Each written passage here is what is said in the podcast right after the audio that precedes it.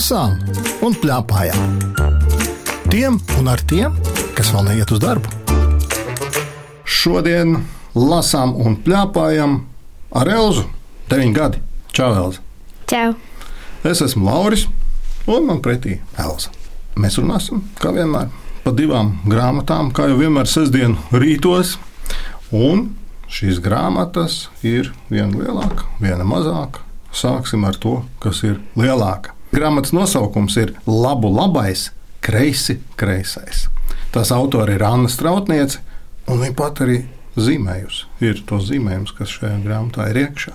Kā tev patīk tie zīmējumi? Smuki! Dīvains nosaukums - Labu labais, kreisi kreisais. Ko tas varētu nozīmēt? Ir divi brāļi, zābaki, kreisais brālis un labais brālis. Jā, un tieši tur tas āķis viss ir. Es izstāstīšu, divi zābaciņi dodas iepazīt pasauli.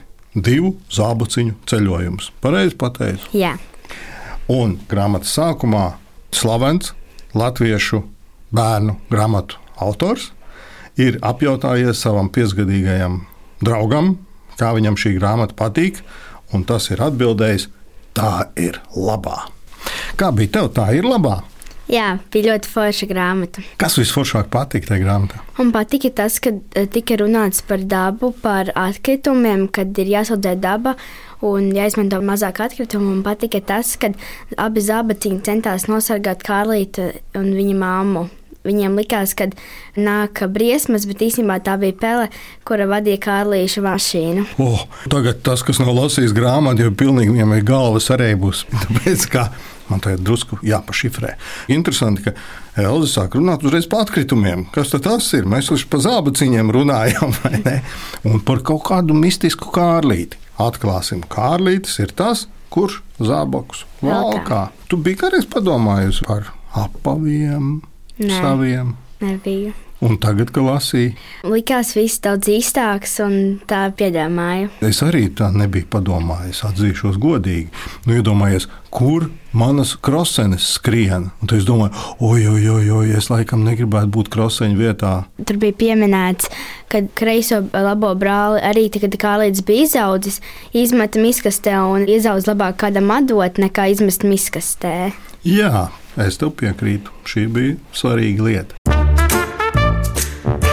Kurš gabaliņš tev vislabāk patika? Nolasīs. Šeit brāļi pieredzēja, ka dzīves top nevien tas, kam pieskaras ar rokām, kājām vai skatienu, bet arī tas, kam pieskaras ar domām. Palūk, istabā saradās tie, par ko viņa pat labam lasīja. No dienas brāļi tos redzēja. Ģērnija ziedā līgani šūpojas īkstīte. Bufetē starp traukiem un porcelāna figūriņām bija skaidri saskatāms brašā riekskožu stāvs. Durvīs reizēm nostājās miltis. Pareizāk sakot, bija redzams tikai viņa zābaki, jo pats viņš šeit nekādi nebūtu varējis ietilpināties. Izstāsta, kur notiek šīs brīnumainās lietas, ko redz abi brāļi. Abi brāļi redz pasaku varoņus, ko bija izlasījusi Līda. Līda bija meitenīte. Meitenīte, kura Bija- ciemojās pie meistara, ja, Jā. kurš labo dažādi. Mantas. Meistars tā laikam atkal tava tēma, vai ne? Kad meistars ir tas, kurš paņem no tiem atkritumiem. Un sataisa atpakaļ.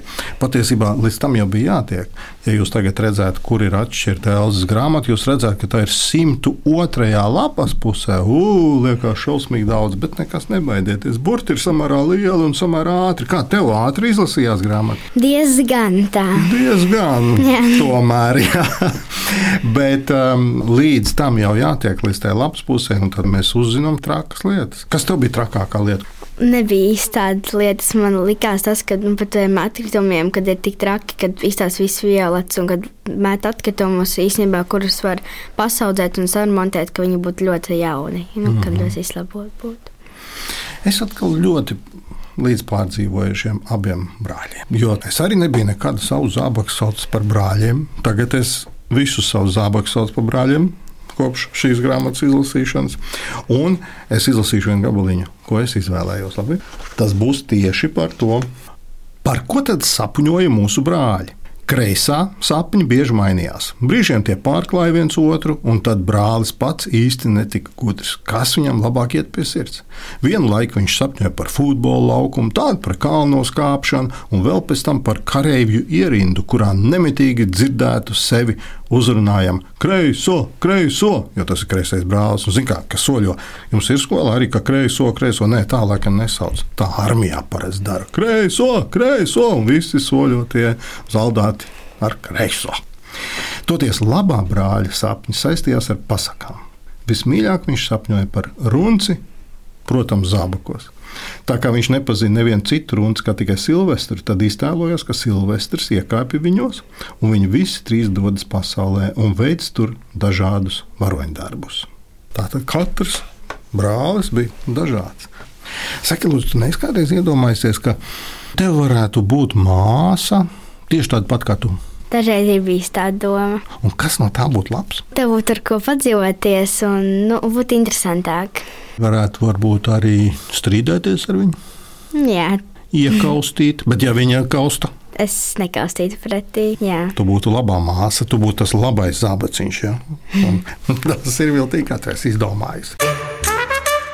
Vēl mēs varam atklāt laikam, to, ka brāļi ir tā kā dzīvi. Viņi nav tā, ka viņi tikai un vienīgi staigā kopā ar kārlīšu kājām, bet gan viņi paši blandās apkārt, un tad notiek pats šausmīgākais. Viens brālis pazūd. Tā arī rakstīts, ka ar labo zābaku notika viss šausmīgākais, kas var notikt. Tas ir, ka viņš pazaudē kreiso brāli. Un kreisais brālis ilgi un dikti staigāja apkārt, un mēs sekojam, kā nu viņam iet. Traki gāja, vai ne? Jā. Mēs arī runājam par to, ka tur meistars liek kopā no vecām mantām. Viņš salabo arī zābaciņiem. To mēs varam atklāt, ka laimīgi beidzās viss. Viņš arī salaboja, un patiesībā viņi ļoti interesantā vietā nokļuva pie ļoti interesantas meitenes. To gan mēs neatklāsim. Tur lai paši izlasa. Bet, saki, lūdzu, kā ir ar vecām mantām? Tev ir kādreiz bijis tā, ka es nevaru izmest, un mamma saka, nē, nu klausies, tas ir jāmet ārā, nekur nav derīgs. Nē, nē. Jā, man ir bijis, bet es nezinu, kas tā bija pa konkrēti man, bet es atceros, ka man tā ir noticies. Un kad uh, viņa bija man ļoti tuvu, jo tā man bija bērnības manta, bet tad tālāk mēs laikam viņu atdevām citiem. Tomēr viņai laimīga nākotne bija. Ja? Mm -hmm. Man jau šķiet, ka pašlaik tas pamanījusi, ka vecas mantas ir modē. Jā, Tādiem drusku vecākiem cilvēkiem kā tu, viņi ģērbjās otrreiz lietotās mantās. Es pamanīju, nepārāk. viņi valkā tādas vecas mantas, ko es domāju, oi, tas taču no manas jaunības. Man īpaši patīk, bet viņiem patīk. Tas jau ir galvenais. Tas bija ceļojums, taču, vai ne? Mm -hmm. Un šis ir pēcvārds tiem, kas atgriezušies no ceļojuma. Mūsu ceļojums ir galā. Nu varam noaut savus uzticamos apavus un ļaut tiem brīdi atpūsties. Tie taču tik pašaizliedzīgi sargājuši mūsu kājas no augstuma, no stikla lauskām, no visa, kas tām varētu radīt ciešanas. Viņi mūsu vietā ir saluši, izmirkuši, saskrambājuši savus jūtīgās zoles, bet arī zemes dzīvinošo spēku viņi ir saņēmuši mūsu vietā. Man liekas, ka forši beigas tajā grāmatā, vai ne? Jā.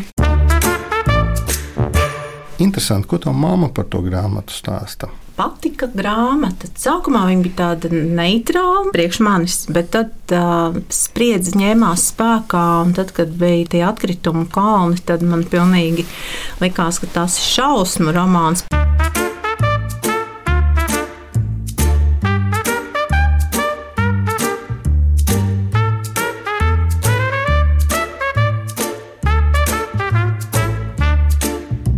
Lasām un plēpājām. Tiem un ar tiem, kas vēl neiet uz darbu. Otra grāmata ir mūsu raidījumā samērā neparasts viesis, jo tā ir dzīvoļu grāmata. Un tās nosaukums ir Zvirbulim nenāk miegs. Tās autors ir Māris Rungulis, un zīmējusi dažni dažādus zīmējumus ir Viviana Marija Stanislavska. Man šī grāmata ļoti patika. Viņai arī bija daudz kas par dabu, un viņai bija interesanti dzējoļi. Tu esi bieži lasījusi dzīsļus. Jā, man ir skolā daudz dzējoļu jāmācās ikdienā. Un, ja tu salīdzini ar tiem, kas tev bija skolā jāmācās, un šie bija interesantāki šeit, šie bija interesanti Jā? un arī garāki. Es tev iesaku, pasaki skolā, ziniet, man ir tāda grāmata, mācīsimies no tās.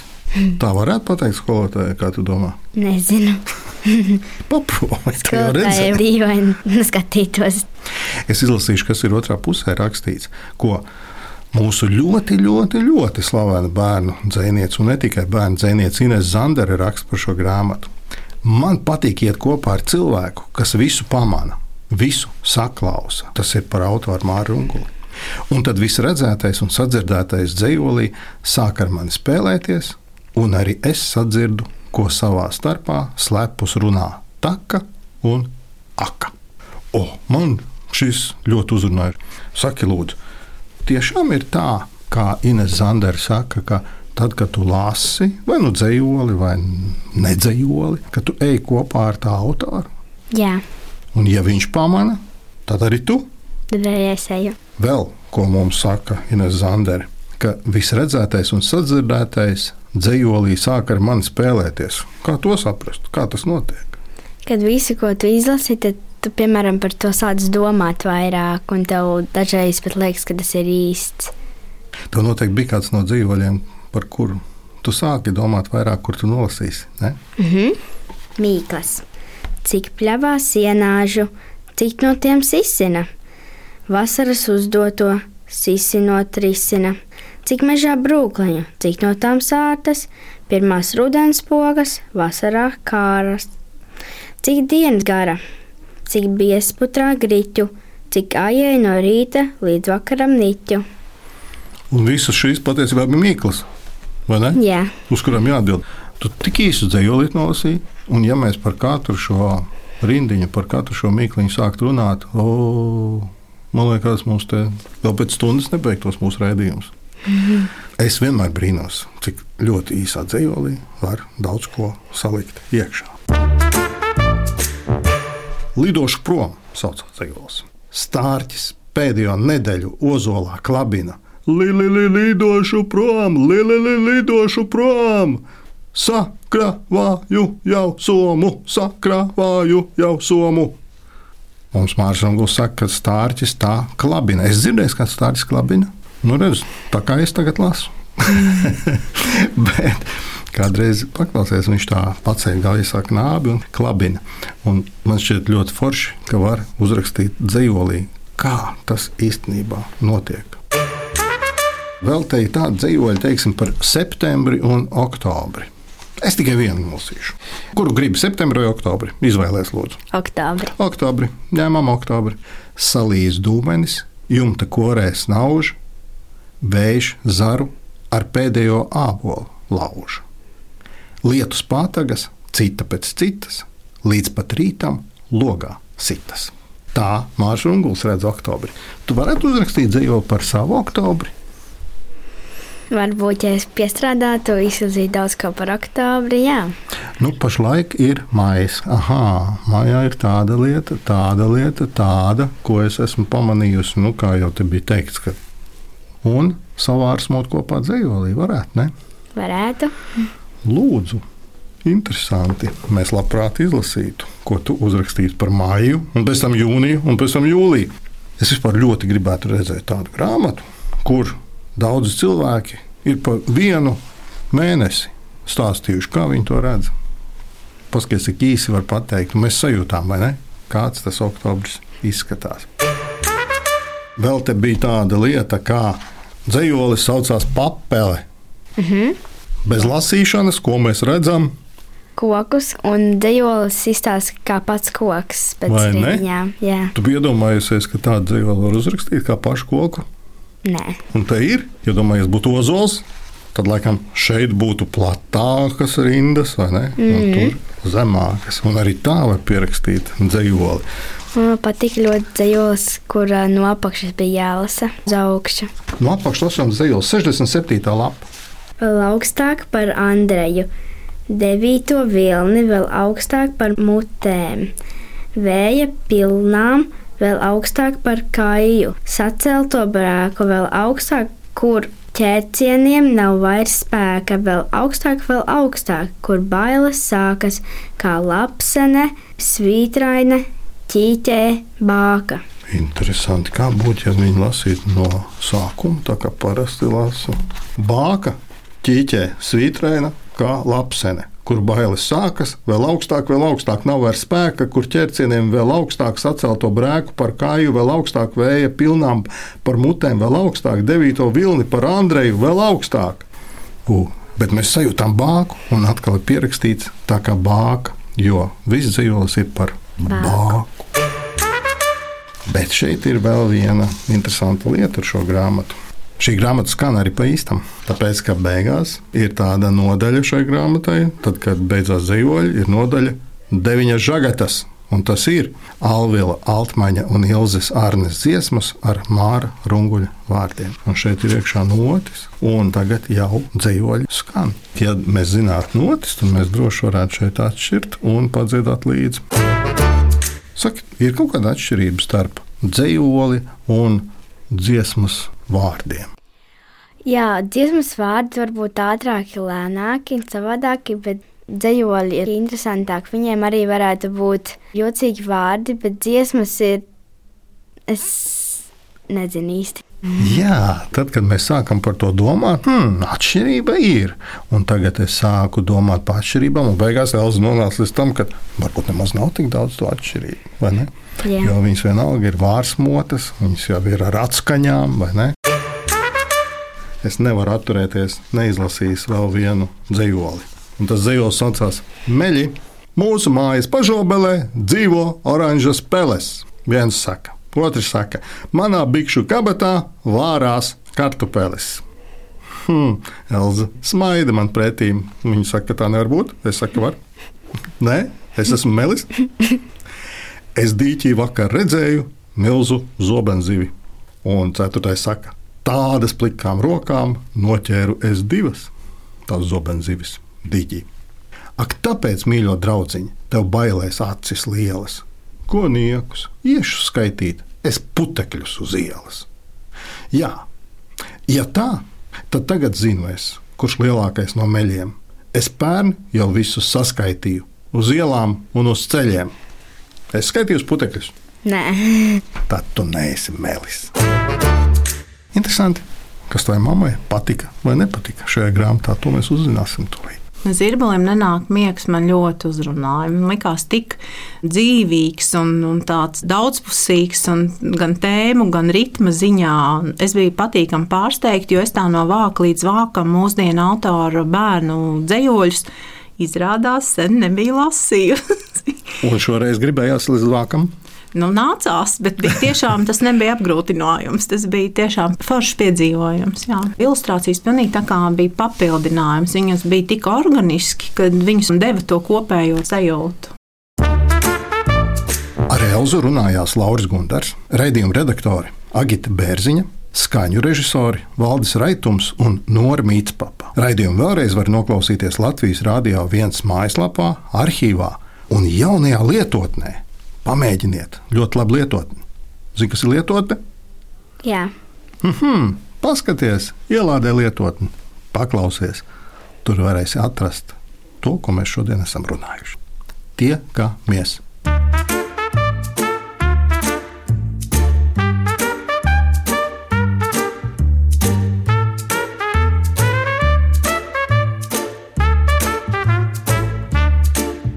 Lasām un plēpājām. Tiem un ar tiem, kas vēl neiet uz darbu.